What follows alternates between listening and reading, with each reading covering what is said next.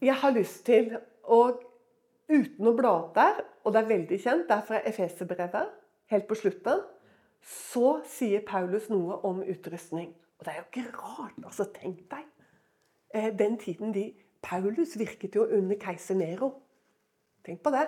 Han ble drept av keiser Nero til slutt. Og det er jo ikke rart at han kan komme med sånne sammenligninger som han gjør i Efeserbrevet i forhold til utrustning. Og hvordan vi må være kledd. Og så begynner han å snakke om at vi har ikke en kamp mot kjøtt og blod. Men vi har en kamp mot hva da? Mot ondskapens ånde her, står det. I himmelrommet. Og så sier han ta derfor på Guds fulle rustning.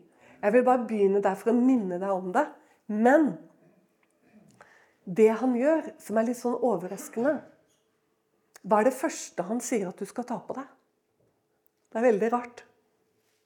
Husker du det? Hva er det første han sier at du skal ta på deg? Hæ? Meg? Meg? Yes! Og det er jo innmari rart, for hvis du tenker deg en påkledningsprosess, så er det ikke det første du henter fram, er beltet ditt, er det det? Det er litt snodig. Liksom, nå skal jeg kle på meg på en måte. Å, hvor er beltet mitt? Liksom. Det første du tenker på, det er beltet. Eh, det er vel det siste du tar på deg, vil jeg tro, er kanskje beltet. Og det er ikke tilfeldig at det står sånn. Eh, sannsynligvis så var det en logikk her. Men det er bare det at Guds ord er bare Når det er overraskende på den måten, så er det selvfølgelig noe dypt og viktig her. Med at det, det første Paulus sier at du skal huske å ta på deg, det er beltet. Og det er fordi at det er sannhet. Du må være ombundet med sannhet. Du må ha sannheten spent om livet. Og da er det det første vi tenker på da, det er jo Guds ord. For det er det som Bibelen sier er sannheten. Det er ordet. Og det er Jesus Kristus. Han er sannheten, han er Guds ord. Og han, ordet, er det første du må ha spent om livet. Men jeg har lyst til å dra det litt lenger. Og så snakke litt om deg og meg. Om det å være sanne. For skal du ha med Gud å gjøre, så må du leve i sannhet. Leve i sannhet med hvem du er. Leve i sannhet med livet ditt. Nå snakker jeg ikke, jeg snakker jo til Guds ord ligger jo der. Men eh, nå sier, nå sier jeg det til deg. Du må bli komfortabel med å, å leve i, i sannhet. Vet du at Gud elsker denne oppriktige av hjertet? Det står i Bibelen. Og han elsker faktisk den oppriktige så mye at han ga dem et kallenavn i Det gamle testamentet. Han kalte israelfolket Han ga dem et kallenavn. Og det var liksom sånn når han var veldig fornøyd med dem, så kom det ordet der. Du har nok lest det. Jesuren, har du sett det? Jesuren. Det er liksom sånn Å, det er liksom Gud drar dem inntil seg. liksom, Min Jesuren. Og det betyr hva da? Det betyr den oppriktige. Gud elsker den oppriktige av hjertet. Og skal vi være Jesus sine, og skal vi være hans etterfølgere, ikke minst, så er det oppriktighet. Et oppriktig hjerte. Sånn, det, er så, det er så mye vi tenker at vi skal streve etter, og vi burde ha, vi burde ha del i, og vi burde være utrusta med, og vi burde ha det og det og det. Men du skjønner, det, det, det helt grunnleggende og første, det er, det er oppriktighet. At du er der du er, og ikke er et sted hvor du egentlig ikke er. Og det jeg sier jeg mange ganger, så jeg må kanskje forklare litt hva jeg mener med det. For det er noe med det at vi tar på oss ofte på en måte å være som kristne noe vi kanskje ikke er. Eh, liksom, og det har vi lært oss til å gå litt sånn, og, det, og dette her behersker vi, og det har vi kontroll på. og sånn, og, og, og vi setter det opp, og, det er det vi gir uh, uttrykk for utad. At den er vi, liksom. Og det er klart, vi må jo ha noen sånne grep. For mennesker er ikke alltid gode, og de er ikke alltid til å stole på heller. Så vi kan ikke gå rundt som en sånn åpen bok overalt. Men overfor Gud, som kjenner deg fullt ut. Fullt ut kjent. Du vet at Han vet ikke helt hva han skal gjøre han, hvis vi kommer litt sånn religiøse innenfor Han. Eller at vi gjemmer oss og ikke egentlig vil ha med det som Han vil ha med å gjøre. Jeg har mange ganger eh, Jeg må bare dvele litt her. Jeg har mange ganger tenkt på det der med Peter. vet du. Når Jesus kom for å skulle vaske føttene hans. Da trakk han eh, føttene til seg. Du skal aldri vaske mine føtter. Og jeg egentlig helt skjønte ikke helt det. Liksom, hva er Peter er som er så vanskelig med det, da? At han skal vaske føttene dine. For det er jo bokstavelig det som skjedde. altså. At han kom med vannkar og skulle vaske føttene til alle sammen. Så var jeg i Sibir for mange år siden. Dette var i 2003. Må du følge med alle sammen her som har aldri hørt om noen sånne ting før. Så plutselig på slutt var pinsemenighet langt inne på det tjukkeste taigaen. Og så var møtet over. Og så plutselig kommer brødrene skramlende med vaskevannsfat. Jeg fikk helt sjokk. Jeg Jeg skulle være der i 14 dager. ikke sant? Jeg kjente ikke disse menneskene. Jeg visste bare at de var pinsevenner. Men pinsevennene i Sibir de hadde tatt liksom ting veldig etter boka. Så det var helt vanlig der. det. Når det var nadvær, så var det fotvask. Og vi forbinder det med noen enkelte som driver med det, liksom. Og jeg ble veldig sånn Jaså, er det sekt dette her? Og skjønner du? Jeg ble litt sånn engstelig, da. Og så var det veldig system på det. Du vasker den, og den vasker den, og den vasker den. Og det var selvfølgelig bare damer som vasket damer, og menn som vasket menn. Og det var jo enda bra, da. Men du, da fikk jeg kjenne det. At jeg hadde ikke noe lyst at noen skulle vaske mine føtter. Og jeg var helt uforberedt på det. Og jeg tenkte kjære vene, har jeg vasket føttene i det hele tatt? Og åssen ser de ut, liksom? Jeg syntes det var så ubehagelig. Skjønner du? At jeg skulle først vaskes mine føtter før jeg fikk vaske noen sine føtter. Så måtte mine føtter vaskes først. Og jeg skulle gjerne vasket alles føtter, bare jeg slapp at noen vasket mine føtter. Forstår du? Altså Jeg kunne tatt alle og feid over dem, både kvinner og menn. Vasket føttene. Bare la mine føtter være. Og du, det er noe dypere her. Jeg fikk kjenne på det, Peter. Det har med stolthet å gjøre. Det har med stolthet å gjøre. Jeg ville ikke ha de der labbene mine, pailabbene mine oppi vaskevannsfatet. Og at noen skulle sitte på kne og vaske mine. Eh, jeg hadde jo gått og labbet rundt på støvete gater i Sibir i 14 dager. Og jeg tenkte at den forfatningen de er i Men du, her er det noe dypt. Jesus vil ha med det knuste. Jesus vil ha med det som er sannheten om oss. Ikke bare tenk synd nå, men det vi skammer oss over. Forstår du? Jesus vil ha med det. Og du skjønner, Han sa til Peter dersom ikke jeg får vaske føttene dine, så har du ikke noe del i meg, Peter. Altså Det er det å leve der. Ikke bare å bli frelst der, at man blir så ydmyka. Men det er det å leve der. At vi, at vi lever i sannhet med livet vårt. Det er, det er, helt grunnleggende. Så sier jeg, men Eva, Hvorfor står du og snakker om noe grunnleggende i en pinsemenighet på Seljord som har vært her i årtier? liksom? Jo, fordi det er grunnleggende ting som vi sjelden snakker om, og som blir så viktig i den tiden vi går inn i nå. At det er et levende liv. Og at det er sannhet. Og at vi kjenner han, for det er sånn du blir kjent med han, skjønner du. Det er ved det intime nærheten mellom deg og din frelser. Det er sånn at du lever i sannheten i livet ditt. Det er utrolig viktig at vi gjør. At ikke vi er oppi der, liksom. At vi, og at vi er villige å gi andre brødre og søstre For det er jo det det handler om i dag. Våre, våre føtter. At andre får stelle med oss når vi har det vondt. At ikke vi bare Forstår du? Så den sannhetens belte som Paulus snakket om, det er jo Guds ord, selvfølgelig. Men det er også at vi som hans etterfølgere lever i sannhet. At vi er sanne. At vi er oppriktige. Og så er det noe med at sjelefienden, han er det motsatte. Og han får mer og mer makt. Ettersom Nå må jeg nesten si månedene går framover. Merker dere hvor fort det går? Det er liksom sånn Er det mulig? Og nå har vi sluttet å bli sjokkert. Fordi det går så fort. Og hva er det som kjennetegner det? Det er løgn. Det er rett og slett løgnens makt. Slik står det i min 1930-oversettelse om andre Tessalonikerbrev. Ikke sant? Det er noe med at løgnen får mer og mer makt.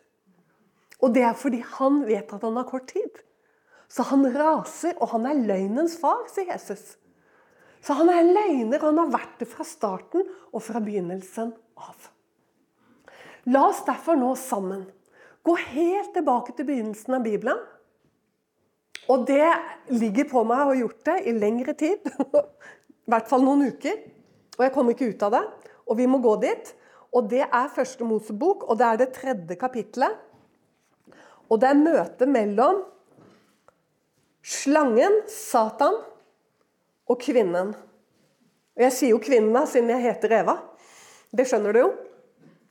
Det høres mye bedre ut, for hun fikk jo ikke navnet Eva før etter fallet. Sant? Så en, fortsatt så er hun bare kvinnen. Og det betyr at uh, det rommer her, Det rommer oss alle. Og jeg bare leser nå, og så stopper jeg. Enten underveis Jeg ser litt grann, hvordan jeg gjør det. Men det står Men slangen var listigere enn alle dyr som Gud, Herren, hadde gjort. Og den sa til kvinnen, har Gud virkelig sagt? Dere skal ikke ete av noe tre i hagen? Og nå sier jeg det feil, for det står feil her i 1930-oversettelsen. Det er veldig lurt å ha flere bibeloversettelser. Fordi det som gjelder, det er originalen, og ingenting annet enn originalen. For hva står det på hebraisk, tror du? Derfor så leste jeg det feil, for at jeg skulle huske å fortelle deg hva det står at Satan sier til kvinnen. Hva er det han sier? Her står det Har han virkelig sagt dere skal ikke ete av noe tre i hagen? Du, det er mye sluere enn det. Og det er akkurat det. For hvis han hadde sagt det Det er jo ikke det han har sagt. Sant? For da hadde det blitt sånn at da ville kvinnen sagt at Nei, hallo! Han har sagt at vi kan ete alle trærne i hagen. For det er jo det han har sagt. Utenom det som er midt i hagen, for da vil du dø. Så legg merke til her, for her lærer vi å kjenne noe med vår sjelefiendes hvordan han kommer. Det er derfor jeg går her til første Mosebok. For at vi skal lære å forstå hvordan han kommer, og hvordan det er høyaktuelt å være klar over. Fordi at han er din fiende, og han opererer på samme vis nå. Hva er det han sier for noe? Han sier i stedet Har Gud virkelig sagt at dere ikke kan ete av alle trærne i hagen? Hører du forskjellen? For da snakket han jo sant. Ser du det? Han snakker sant, bare at han, han vrir det. Sånn at det blir negativt. Det var jo helt positivt. Det var jo, det var jo Gud sa jo sånn Å, og så kan dere ete alle trærne i hagen, sa Gud. Bare ikke det ene. Og det var beskyttelse, for da skal dere dø. Sånn at, hør nå, alt var positivt. Alt Gud sa, var godt til oss. Alt var bare god vilje. Alt var bare godt. Så snakker han sant, Satan, men så vrir han det. Og du skjønner, det er sånn han jobber. Og så blir det likevel løgn. Men han er ikke så plump at han dumper rett ut i løgnen. Men han jobber mot sinnene våre på denne måten. Han vrir det fra å være noe positivt og fint til å bli noe mørkt og noe du begynner å undre. For idet han sier det, så har han allerede ødelagt noe inni henne. For plutselig begynner hun å lure på sin beste venn, sin skaper. Han som hun vandret sammen med i hagen, kanskje hver dag. Og det betyr at de hadde, de hadde fellesskap, og de var sammen. Og det var godt. Og her har han klart å bare kile inn en mistenksomhet om at det var ikke godt. Og han sa, har han virkelig sagt at dere ikke får ete alle trærne i hagen? Og da har han fått hennes øre.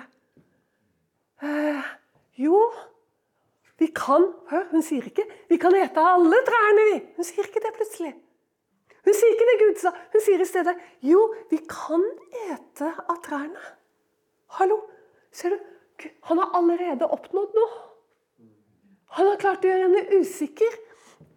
Og så blir det verre, vet du. For nå har han fått henne litt på kroken. Apropos nøyaktighet. Hvor viktig det er at vi siterer Guds ord nøyaktig. Du kan ikke si 'jo da, vi kan ete av trærne i hagen', når Gud har sagt at du kan ete av alle trærne i hagen utenom det du vil dø av. Skjønner du? Det var, det var nøyaktigheten. Men nå har hun allerede sklidd fordi hun hører på et galt øre. Hun hører på slangens øre. Og så sier han kvinnen sa til slangen ikke sant? Jo da, vi kan ete sånn og sånn. Og så, og så kommer han igjen. Fjerde verset, så kommer han igjen. Og nå lyver han. Nå lyver han. For hun sier at det er fordi vi, vi dør hvis vi eter av det. Så sier han det skal ingenlunde dø. Du, vet du Og de som har hørt dette her, meg tale dette på Kanal 10 eller et eller annet sånt noe ganske nylig, du vet det. Du vet det nå. Men du som ikke har hørt det, du skal få vite det. Vet du hva slange er på hebraisk? Ordet for slange, det er nahash. Det er veldig interessant. Det er akkurat som de har tatt lyden av slangen. Nahash. Interessant? Nahash. Men det som er virkelig interessant, det er hva det betyr. Fordi at det betyr faktisk eh, å spå. Å spå. Altså, jeg vil aldri si profetere når det kommer fra denne kilden. For slangen profeterer ikke. Det er bare Guds ånd som profeterer. Men han etterligner Guds ånd. Han etterligner Guds ånd. Og så spår han. Og så sier han, 'Du skal ikke dø. Du skal ikke dø.' For det er, jo, det er jo rett og slett en form for profeti å snakke sånn og si det. 'Du skal ikke dø.' Ikke sant? Men det er noe annet, skjønner du. Og så kommer virkelig uhyggen her, da. For hva er det han sier nå? Jo da, du skal ikke dø. Men Gud vet at på den dag dere eter av det, skal deres øyne åpnes. Og det er så grusomt hvordan han er. Da skal dine øyne åpnes, du som er blind og ikke ser. Forstår du? Ser du hva han ødelegger? Hele hennes syn på hvem hun er nå. Først var det på Gud, og nå har han ødelagt synet på hvem hun er. Altså, hun mangler noe. Og Satan er ekspert i å få deg til å føle at du mangler noe. Det er noe du mangler. Det er noe du ikke har forstått.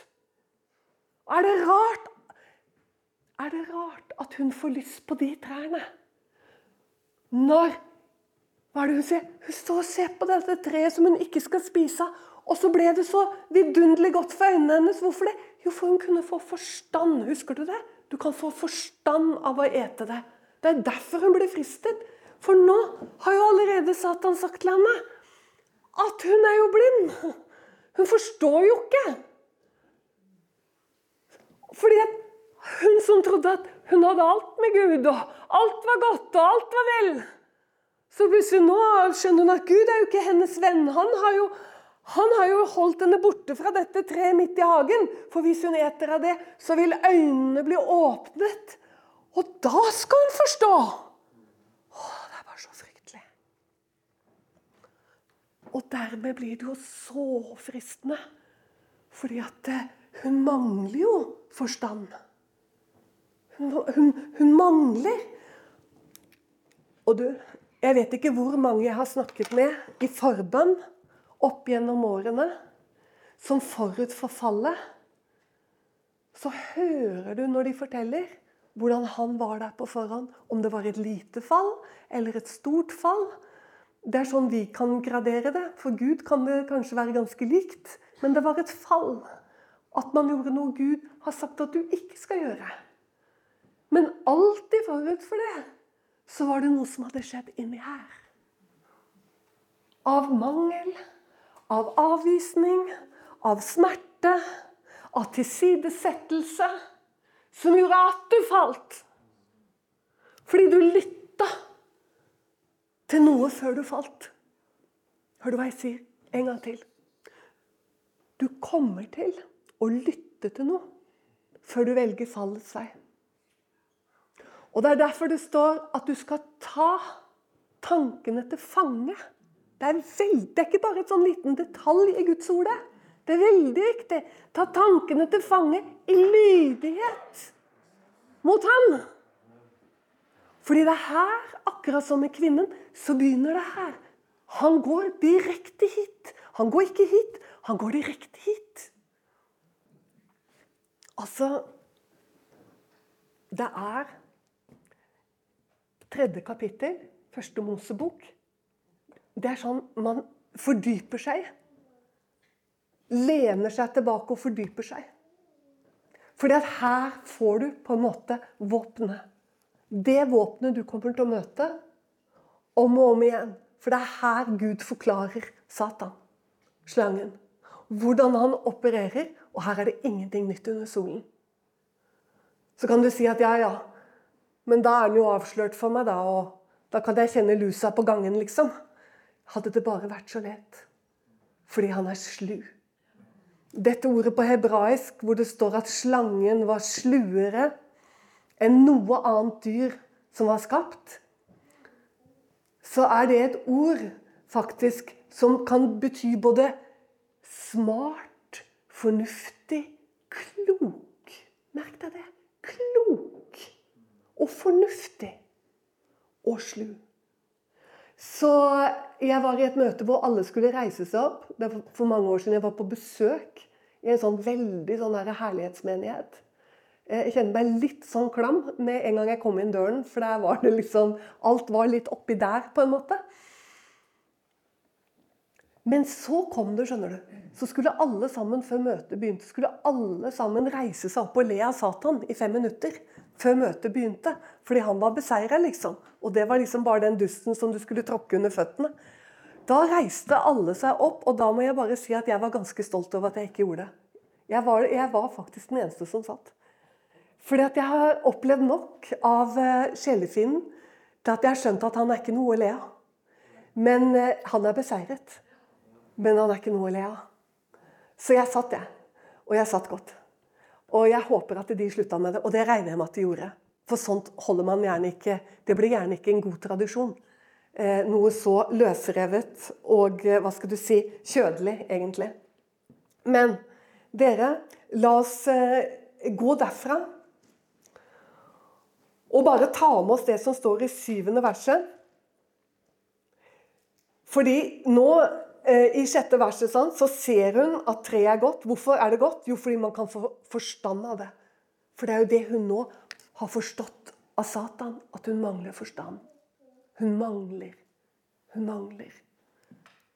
Og da står det at hun tar, de tar av treet, og så gir hun mannen sin nå. Og hva skjer? Deres øyne blir åpnet. Interessant. For det var jo det slangen sa at skulle skje. Han sa jo at Gud bare sier at dere ikke skal spise det, for da vet han at da blir deres øyne åpnet. Og så, og så, står det det at de spiste av det, og deres øyne ble åpnet. Og hva så de? Skam! Så de. Nakenhet og skam.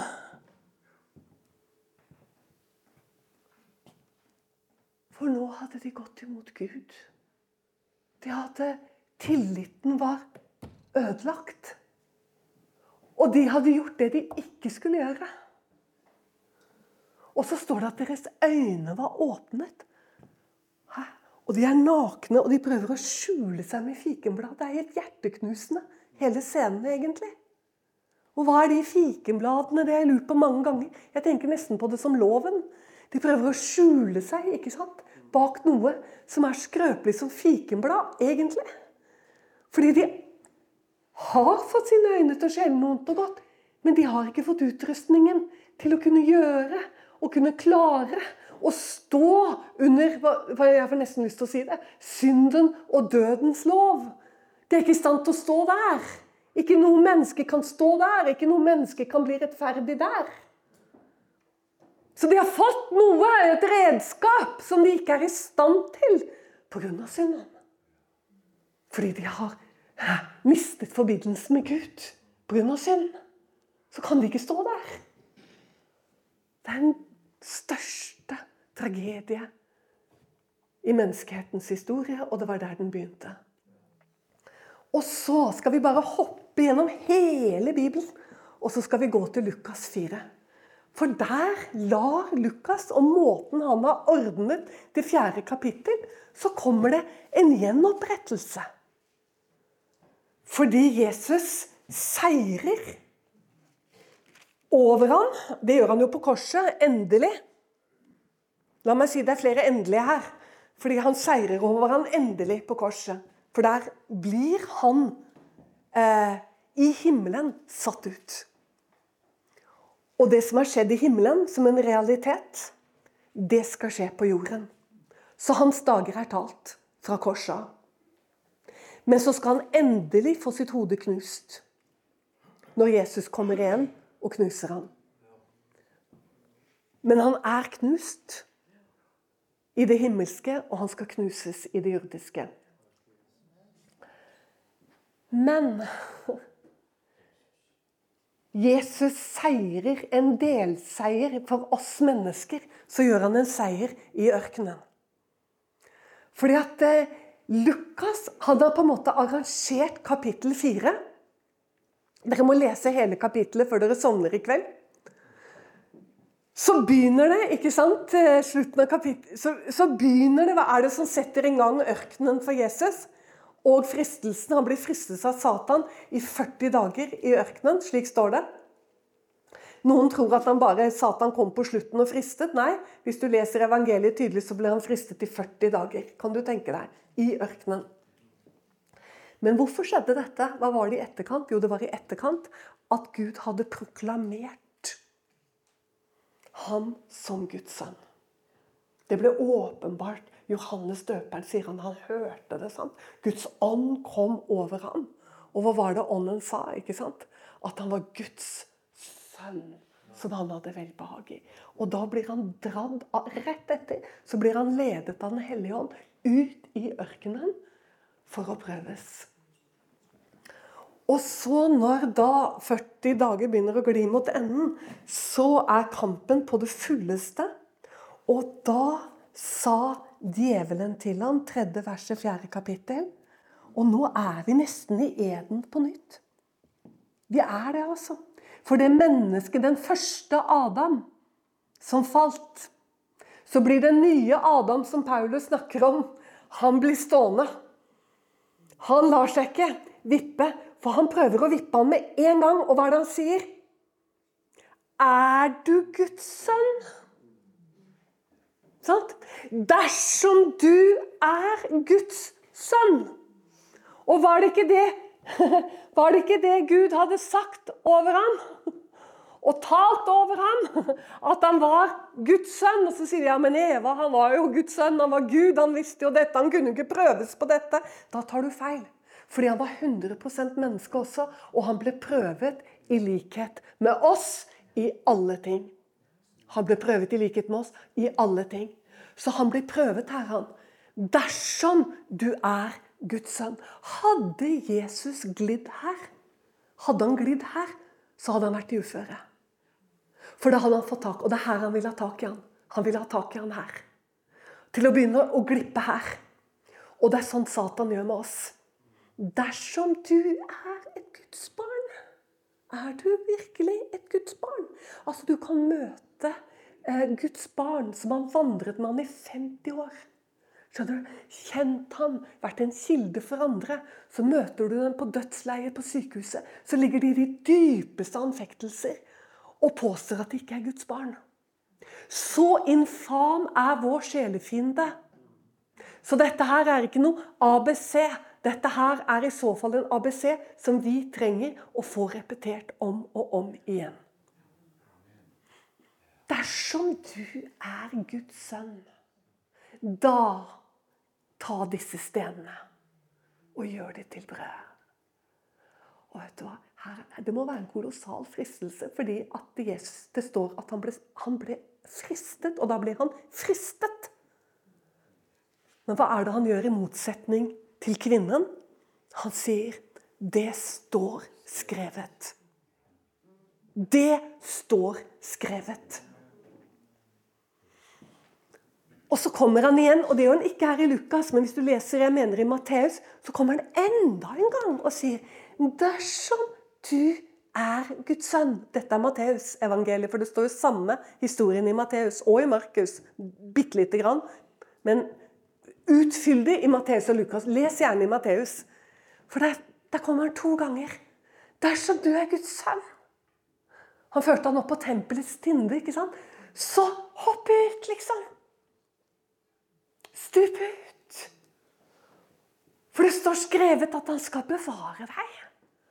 Og hvor mange er det ikke som faller her, da, hvis du tror at dette her er sånn Dette er noen underlige greier, og hva er fristen i det? Men det er jo det. Det er jo forkynnere, det. De som blir store, og mange det som har falt her. Begynner å gjøre tegn og undre for undrenes skyld. Og sånn. Men Jesus sier det står skrevet. Du skal ikke friste Herren din Gud. Ikke sant? Og så kommer den siste, og det var ikke sant? Dersom du tilber meg. For det er jo det han vil ha. Merk deg det, hva han vil ha? Han er ute etter tilbedelse. sant? Det er det han vil snu det til. At det skal tilbe han, Satan, i stedet. Så skal alle disse riker Og her tror jeg ikke han lyver. Han lyver ikke her. Alle disse riker skal tilhøre deg dersom du faller ned og tilber meg.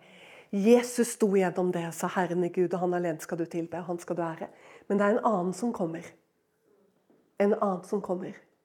Og han tilber Satan. Han har bøyd seg for Satan, og han får tildelt alle verdens nasjoner og riker. Men det som ikke ble sagt, kanskje, var at det ble for en kort tid. For det er Gud som har all makt i himmel og på jorda. Det er han som har seiret. Takk og pris. Nå er vi dere i Lukas i det fjerde kapitlet.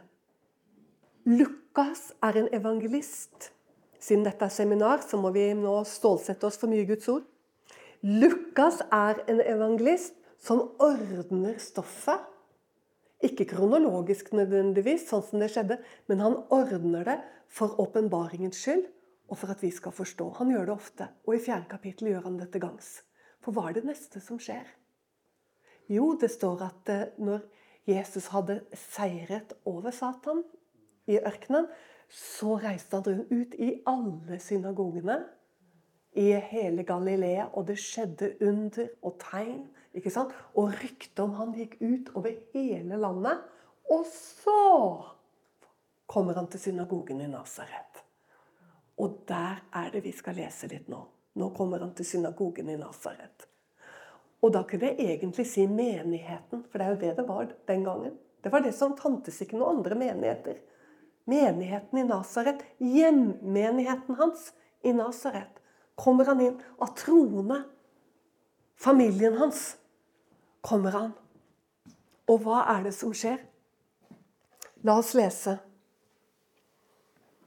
Så står det Og han kom til Nasaret, 16. verset hvor han var oppfostret og gikk etter sedvane på sabbatsdagen inn i synagogen og sto opp for å lese for dem. Og de ga han profeten Jesajas bok.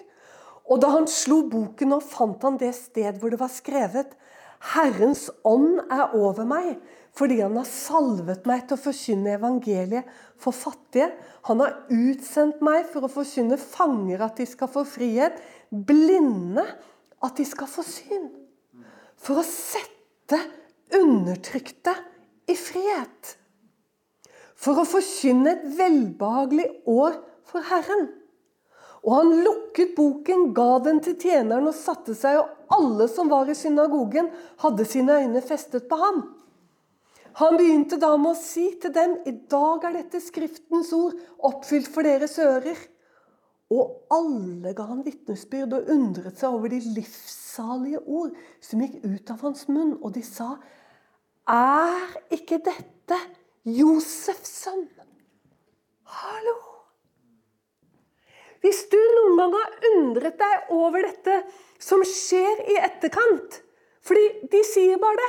Altså de, det er livssalige ord. Og det er nydelig å høre på han, og du må regne med at han roper det ut i synagogen. Hvorfor det?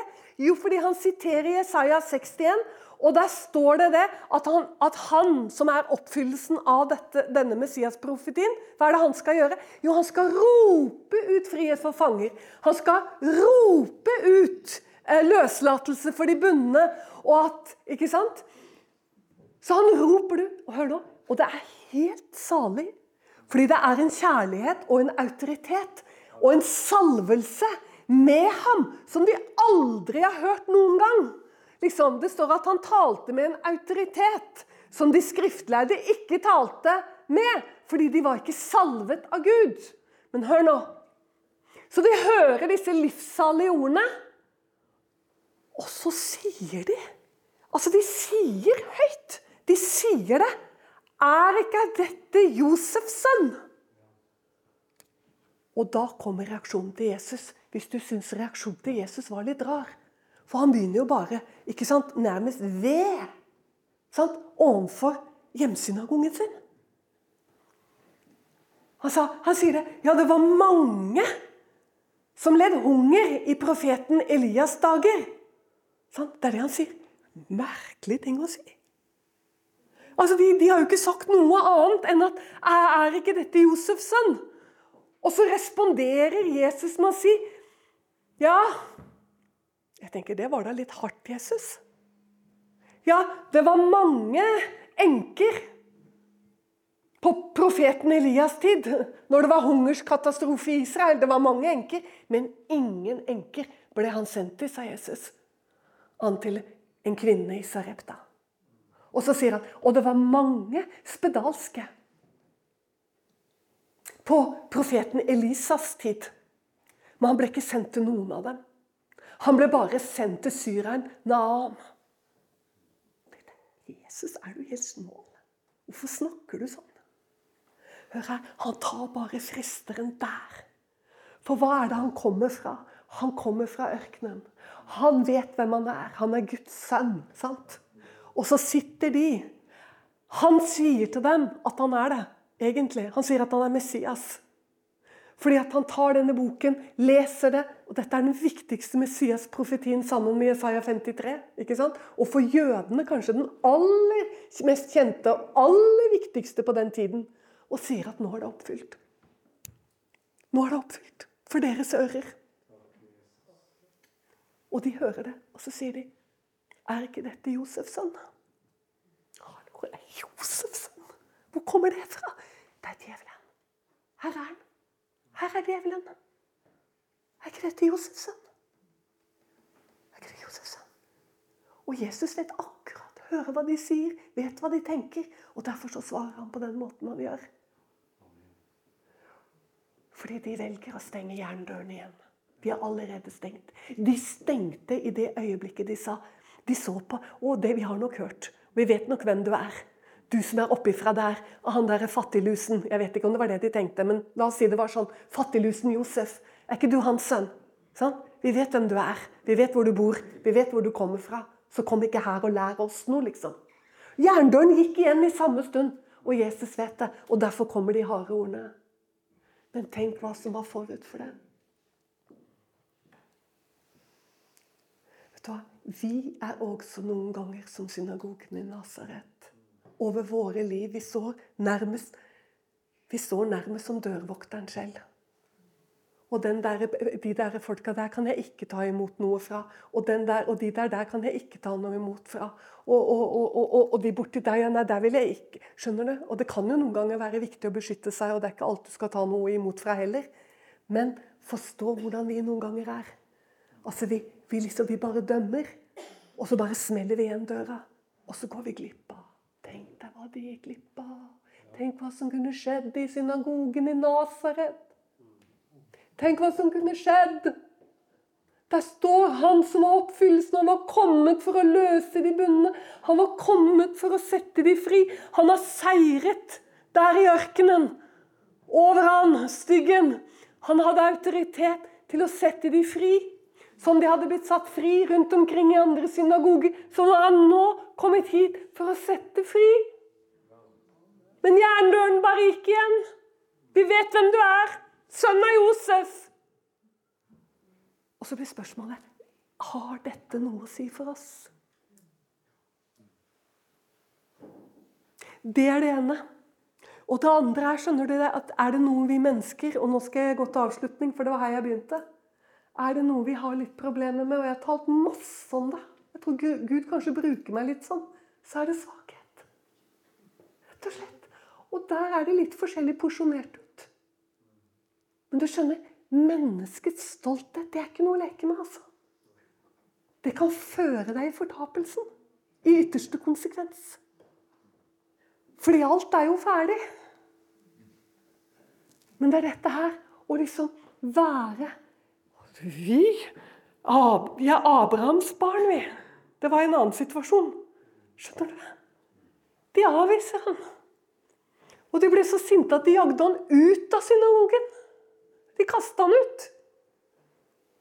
Forstår du? Han kommer til oss. Han kommer til oss for å løse.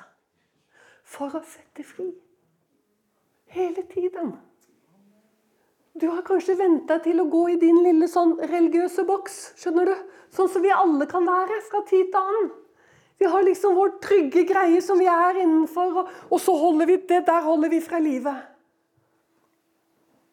Men så vil Jesus han vil, han vil sette fri. Han vil, han vil løse opp i det som er vanskelig. Det er det han holder på med. Det er det han kommer til å holde på med inntil vi skal se han som han er. Så, så holder han på med å sette oss fri og løse oss ut av ting. Og forbinde oss. Tenk at det står her i Lukas det er litt, Har du merket Vi må ta det med. Har du merket at Lukas 4 gjengir Jesaja 61 litt annerledes? Har du sett det? Det står på en annen måte i Lukas. Så tenker vi at her har visst Lukas vært litt svimmel. Han har ikke klart å sitere Jesaja 61 engang. Men nei. Han siterer den greske oversettelsen av Det gamle testamentet. For der står det nettopp om disse øynene som er blinde, og det er kjempebra. For at du skjønner, Forbindelsen tilbake til eden og til fallet i hagen, den er der med en gang. Fordi hva var det hun trodde at hun skulle få øynene åpnet? sant? Hun fikk øynene åpnet, men hun fikk øynene åpnet idet hun gikk inn i mørket. Altså Hun fikk øynene åpnet for Satan og for den giften han hadde. Hun fikk øynene åpnet for mørket. Det var det hun fikk øynene åpnet. Så kommer Jesus og sier at han han er den som skal åpne våre øyne og gjenopprette. Og gi oss tilbake synet vårt. Og føre oss ut av fangeskapet. Nå henger du med, sant? Han fører oss ut av det fangeskapet. Han fører oss ut av det mørket. Hører du? Du som kanskje er mye mørke. Du som kanskje er mye sånn i det tunge og mørke. Jeg kan si til deg det kommer ikke fra Gud. Fordi at det er intet mørke i han. Og dette her som jeg taler om nå, dette er bare så viktig i den tiden vi går inn i. Fordi løgnen blir på en sånn måte at Jesus sa at det er som til og med de utvalgte kunne gå vill. Så voldsomt blir det. Forstår du? Fordi at han kommer ikke bare plumpt til å lyve, men han kommer til å vri på tingene.